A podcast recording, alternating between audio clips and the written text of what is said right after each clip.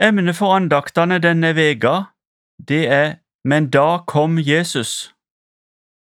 Det skal minne oss om at det alltid er en stor forskjell på situasjonen før og etter at Jesus kommer.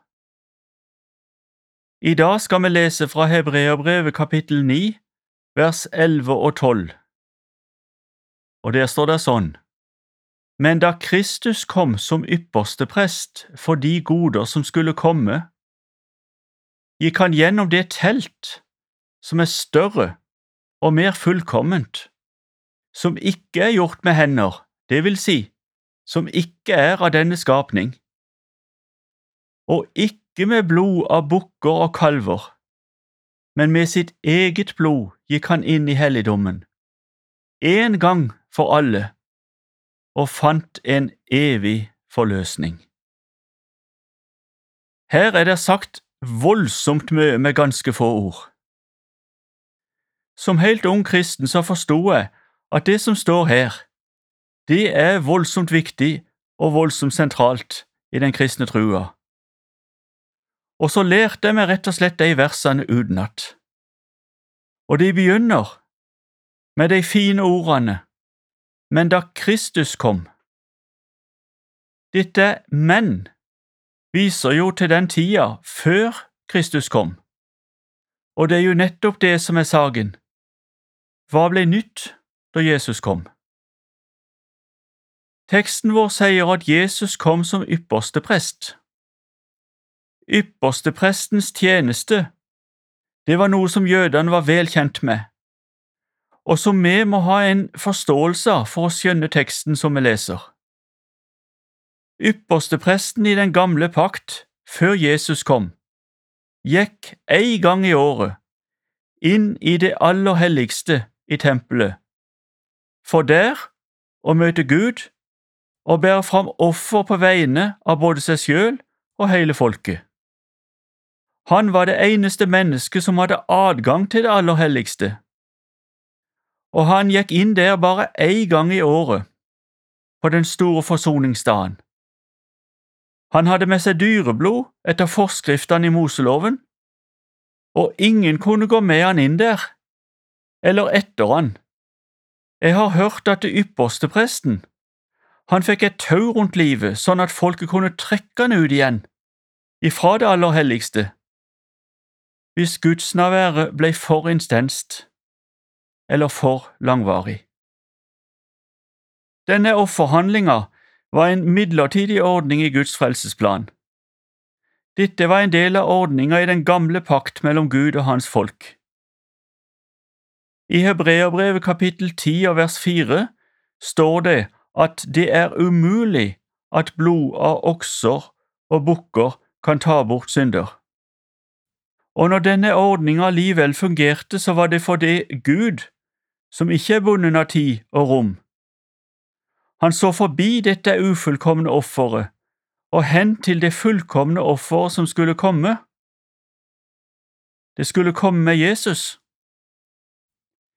Den gamle ordninga skulle gjelde for ei bestemt tid, fram til det kom en ny ordning og en ny pakt ved Jesu offer. Oppsummert kan vi derfor si det om den tida som vårt menn i teksten henspeiler på.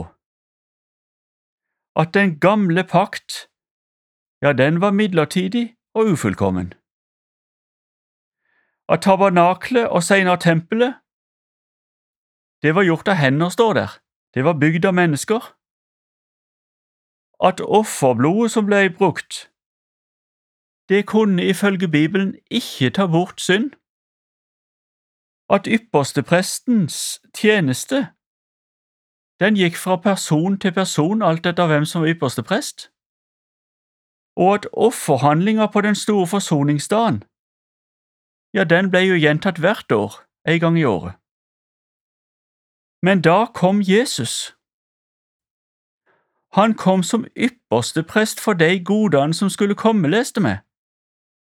Og hva for noen goder var det som skulle komme og som altså ikke var der før. Ja, det kunne vi sagt veldig mye om, men jeg skal prøve å oppsummere litt av det òg.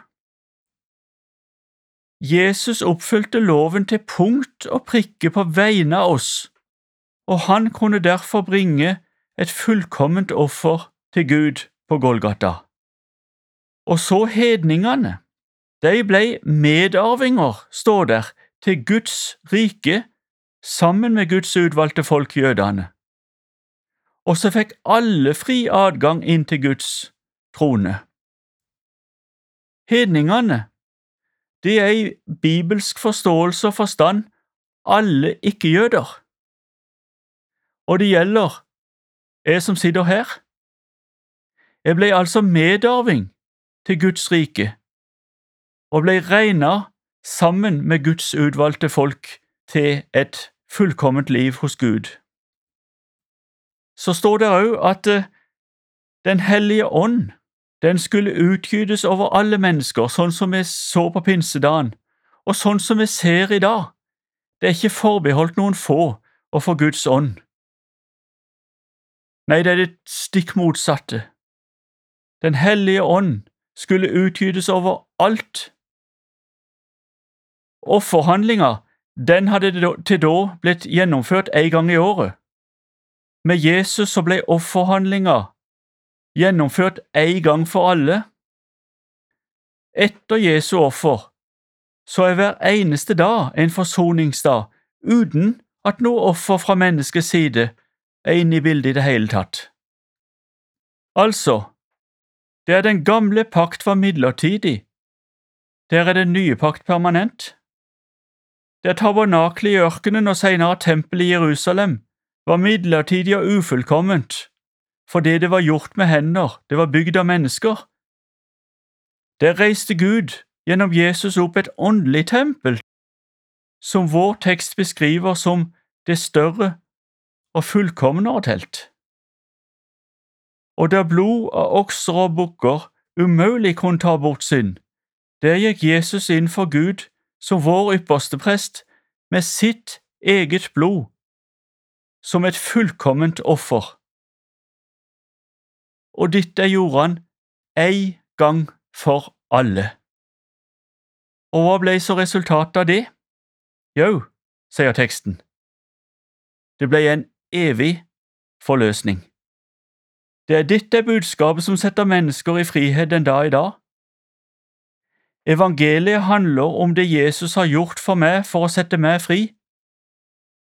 Og grunntona i bibelsk evangelisk forkynnelse, den vil aldri være hva jeg skal gjøre, eller hva jeg har gjort. Den vil alltid være hva Jesus har gjort for meg for å sette meg fri. Legg merke til at nyfrelste mennesker de vitner om dette men da kom Jesus, og det er det fantastisk å høre på. Du har lyttet til Over en åpen bibel, og andakten var ved tidligere misjonær og fritidsforkynner Knut Olav Raen. Serien produseres av Norea Mediemisjon. Les mer om oss på norea.no.